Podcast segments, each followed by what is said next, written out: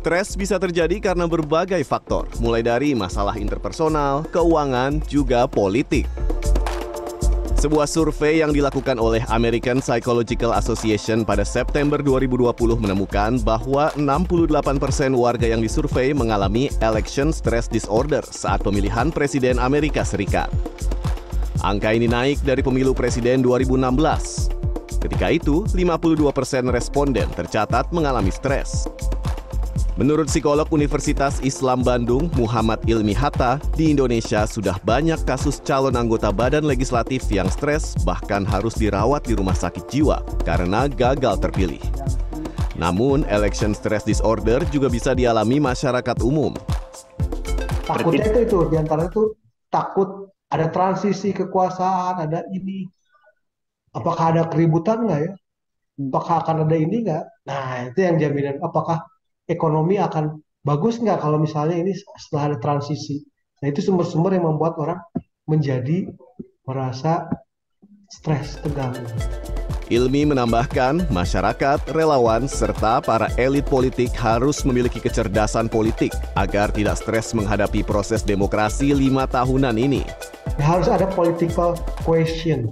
Jadi kalau di emosional ada emotional question, ya di sini juga di politik itu harus ada kecerdasan politik hmm. ya. Nah, kecerdasan ini diperlukan agar bisa memahami menyadari bersikap mengkritisi berpihak itu harus seperti apa.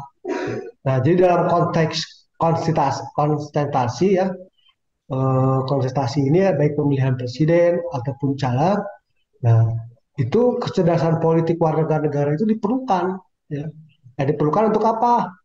Dia biar bisa menentukan pilihan dengan benar sesuai dengan preferensinya, sesuai dengan pilihannya. Juga ya kalau kalah dia bisa menerima. Tim sukses kandidat calon presiden dan calon wakil presiden juga rentan dihinggapi stres yang tinggi. Terbatasnya waktu kampanye yang disertai tekanan untuk memenangkan calon yang diusung membuat mereka harus memiliki strategi khusus. Haru Suwandaru dari tim pemenangan Anies Caimin di Jawa Barat mengatakan pengalaman selama beberapa kali pilpres menjadi bekal untuk menghadapi pilpres kali ini. Berdoa dan ikhtiar maksimal bagi Haru adalah kunci. Ya kalau kita habis kampanye ya rehat dulu atau ngopi-ngopi dulu, ngobrol-ngobrol sama teman-teman gitu ya. Istirahat, besok kita lanjutkan. Jadi saya kira sih sejauh ini ya, ya kalau capek terus flu ya adalah itu ya tapi habis istirahat ya doping pakai vitamin gitu ya ya alhamdulillah sih nggak nggak terlalu lama lah gitu ya Sementara Irwan Kusandiantoro dari tim kampanye daerah Prabowo Gibran menyoroti pentingnya membangun suasana yang nyaman dan istirahat di sela-sela kegiatan kampanye.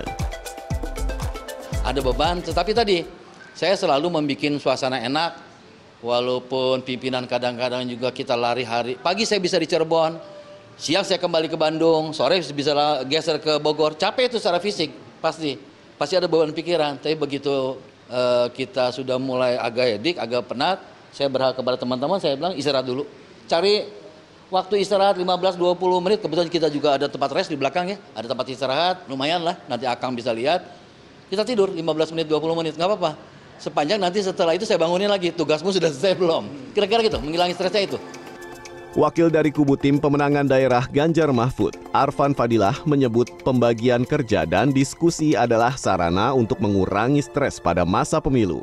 Sebenarnya sih yang paling pertama itu kita sharing ya. Jadi kita sering ngobrol apa sih kita lagi stres tentang susah misalnya kerjaan ini atau kerjaan apa, kita saling backup, terus kita misalnya sharing butuh masukan dan yang paling penting kan semua tim pemenangan terutama kita itu kan semuanya emang ada apa namanya? ada emang ingin terjun di dunia politik ini gitu loh. Jadi memang ya kita nikmatin aja lah gitu.